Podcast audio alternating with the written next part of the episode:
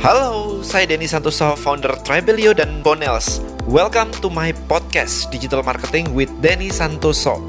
Di podcast ini saya bahas mengenai beberapa strategi marketing yang dapat meningkatkan omset bisnis Anda hingga 10 kali lipat. Salah satunya dengan membuat database atau list building. Untuk belajar lebih mendalam, Anda bisa langsung ke listbuildingblackbook.com. Follow juga YouTube dan Instagram saya at Denny Santoso. Di sana saya juga berbagi ilmu mengenai digital marketing dan mindset setiap hari. Right, ayo kita mulai. Enjoy the podcast and see you inside.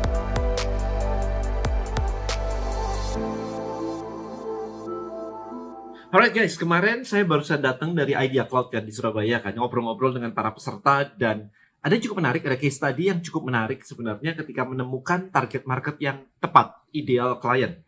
Jadi ada satu peserta yang bercerita bahwa bisnisnya adalah cake, kue, kue tart, ya kue tart, kue tart. Nah, saya nanya, uh, dia nanya duluan sih, gimana sih caranya untuk skill this business melalui online? Oke, okay. saya nanya target marketnya siapa? Dibilang target marketnya adalah ibu-ibu muda yang punya anak kecil. Yang nggak muda-muda banget lah, usia 25 sampai 40 tahun. Dia bilang gitu kan, 25 sampai 40 tahun. Oke. Okay. Um, setelah saya gali, ternyata yang disebutkan itu ibu-ibu muda eh, ibu-ibu muda usia 25 sampai 40 tahun itu kurang tepat. Kurang tepatnya di mana? Saya nanya, "Oke, okay, barangmu apa?" Barang saya adalah kue tart. Oke, okay, siapa target marketnya? Ibu-ibu usia 25 dan sampai 40 tahun. Oke, okay, istri saya umur 30 tahun sekarang. Tawarin istri saya. Nggak mungkin beli dia kue tart. Terus dia jawab apa? Iya, karena anaknya kan nggak ulang tahun. Kalau anaknya ulang tahun kan pasti cari kue tart. Oke, okay, so itu kesalahan terbesarnya. Kesalahan terbesarnya adalah menyebutkan bahwa target marketnya adalah ibu-ibu usia 25 sampai 40 tahun. Sementara target market yang tepat adalah selain ibu-ibu yang usianya 25 sampai 40 tahun ditambah yang anaknya bulan depan mau ulang tahun atau mungkin minggu depan mau ulang tahun. Saya nggak tahu apakah orang cari kue ulang tahun itu seminggu sebelumnya atau sebulan sebelumnya. Kayaknya kok nggak mungkin ya kalau dua bulan sebelumnya ya. Ini bukan ini bukan wedding cake gitu yang carinya mungkin enam bulan sebelumnya. Ini cuma kue ulang tahun anak. Maka Anda mesti paham di sini bahwa target market Anda bukan cuma ibu-ibu dengan umurnya, tetapi live event apa yang akan menyebabkan mereka membeli bu, eh, membeli kue tart tadi. Kalau si ibu-ibunya tidak sedang mau me, menyelenggarakan pesta ulang tahun atau mungkin nggak sama sekali nggak ada ulang tahun, anaknya nggak ada pesta kayak begitu, ya maybe nggak akan beli kan. Mau ditawarin juga nggak akan beli, meskipun target marketnya cocok. Nah ini teman-teman yang yang sebenarnya perlu sekali untuk anda ketahui dengan detail. Jadi selalu kesalahan terbesar adalah yang pertama ideal marketnya nggak nggak pas atau kurang tepat. Sama ketika saya kemarin itu presentasi tentang Tribelio Page ke market insurance. Saya pikir oh market insurance, oke okay, market insurance yang agent insurance yang mau ke online. Oke, okay, sudah ditambahin mau ke online ya. Jadi bukan yang offline. Kalau offline ngapain pakai Tribelio Page nggak ada gunanya. Tapi kalau online maybe mau. Nah, ternyata setelah saya lakukan panjang lebar webinar ke sana kemari di hadapan ribuan agent, ribuan agent teman-teman, satu event ya, ribuan agent. Konversinya kurang bagus. Dan ternyata setelah saya selidiki, analisa lebih lanjut, ternyata market yang ideal banget adalah agent insurance yang sudah go online dan menjadi content creator.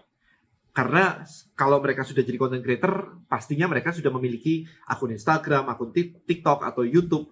Sehingga untuk mengajarkan mereka penggunaan list building dengan Tribelio page itu jadi sangat mudah. Karena kalau tidak, ternyata ngomongin bikin konten aja buat mereka nggak ngerti. Emang konten buat apa? Ngomong apa? Mesti posting apa? Berapa kali seminggu? Diajarin pun tidak dilakukan karena soulnya belum content creator. Bayangin Anda lihat video saya kayak begini kan setiap hari ya. Kalau bukan content creator, idenya kan nggak muncul. Nggak biasa. Ide, kepalanya tidak biasa diajak mikir ide konten apa setiap harinya.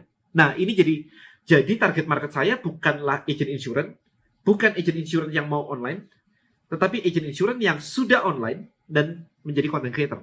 Nah inilah target market. Maka dari sini Anda jadi memahami dong, kira-kira target market Anda siapa? Nah, setelah target marketnya ke define dengan tepat, siapa siapanya dengan spesifik banget, step berikutnya untuk scale adalah GTM. Saya sudah sudah sebutin di beberapa video saya sebelumnya kan go to market strategy. Jadi kalau misalkan mau ketemuin agent insurance yang content creator tuh di mana? Nemunya di mana? Satu. Kedua, Kalau mau nemuin ibu-ibu yang anaknya mau ulang tahun kurang seminggu, itu di mana? Kalau Anda nggak bisa nemuin ini, maka Anda nggak bisa skill the company. Maybe Anda punya bisnis di mana Anda cuma nunggu. Orang tahu dan nunggu. Ya, tetapi Anda tidak bisa ngejar mereka. Karena kan Anda mesti ngejar nih, oh kamu mau ulang tahun ya, seminggu lagi ya. Oke, ini ini barang buat kamu, ini barang buat kamu. Ngejar gitu. Tetapi kalau Anda tidak tahu cara menemukan mereka, berarti yang Anda lakukan adalah menunggu. Kalau menunggu, berarti strateginya adalah Anda menggunakan konten-konten sosial media untuk awareness. Oke, okay? nah kalau untuk awareness, untuk awareness sih paling nggak, oh kalau saya mau beli tart, saya tahu merek A gitu, atau saya mau beli ini merek ini merek Anda dan sebagainya. Kalau Anda memang memang sudah tahu itu, maka yang perlu Anda pertimbangkan adalah dari awareness, dari orang tahu sampai dia beli kue tart tadi misalnya atau apa pun itu, berapa lama? Berapa banyak cost yang harus Anda keluarkan? Jangan-jangan Anda ngiklan, awareness, awarenessnya muncul nih, tapi ulang tahunnya bulan lalu. Berarti ulang tahun berikutnya masih 11 bulan lagi. Yang artinya adalah Anda akan spending iklan setahun sebelum dia beli.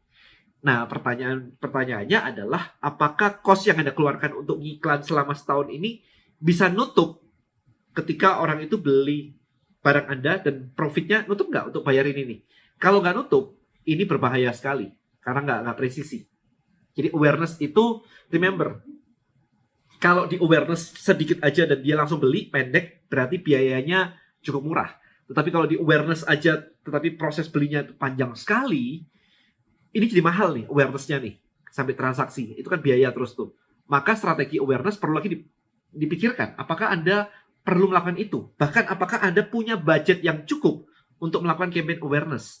Jangan-jangan Anda malah tidak tepat melakukan campaign awareness karena budgetnya terlalu mahal dan Anda nggak punya budget. Maybe sebaiknya langsung to the point aja, jangan menjadi awareness dulu. Nah ini adalah pertimbangan-pertimbangan kalau Anda menjadi seorang digital marketer tuh banyak sekali pertimbangan seperti ini. Jadi nggak nggak melulu kayak oh saya awareness aja, oh saya langsung penjualan aja, ya kan? Um, banyak orang yang agency di luar sana kadang-kadang mengatakan bahwa oh kita cuma melakukan campaign awareness atau orang yang nggak ngerti kebanyakan nggak ngerti kita ngomongin mereka ngomongnya adalah saya melakukan campaign awareness aja. Problemnya adalah dari awareness sampai buy itu kapan? Kalau tidak pernah dilakukan, di execute sampai buy-nya, nggak ada gunanya awareness doang, karena jalurnya nggak ketemu. Jadi ini adalah sesuatu yang yang cukup kompleks. But anyway, video ini saya nggak mau panjang-panjang. Video ini cuma pengen menegaskan aja kepada Anda bahwa target market mesti clear. Kalau ibu-ibu usia 25 sampai 35 sampai 40 tahun, tapi adakah live event something di, di hidupnya dia yang membuat dia harus membeli itu ulang tahun anak pindah rumah kerjaan baru dan sebagainya bisa nggak anda menemukan yang seperti itu jangan cuma umur doang umur doang mah banyak kalau umur doang 25 sampai 40 Indonesia tuh udah ada kayak jutaan orang. Dan kenyataannya kalau jutaan orang ini kok bisnis anda belum laku-laku? Ya kan? Karena memang kurang presisi. Itu angkanya nggak nggak masuk akal gitu aja nggak benar gitu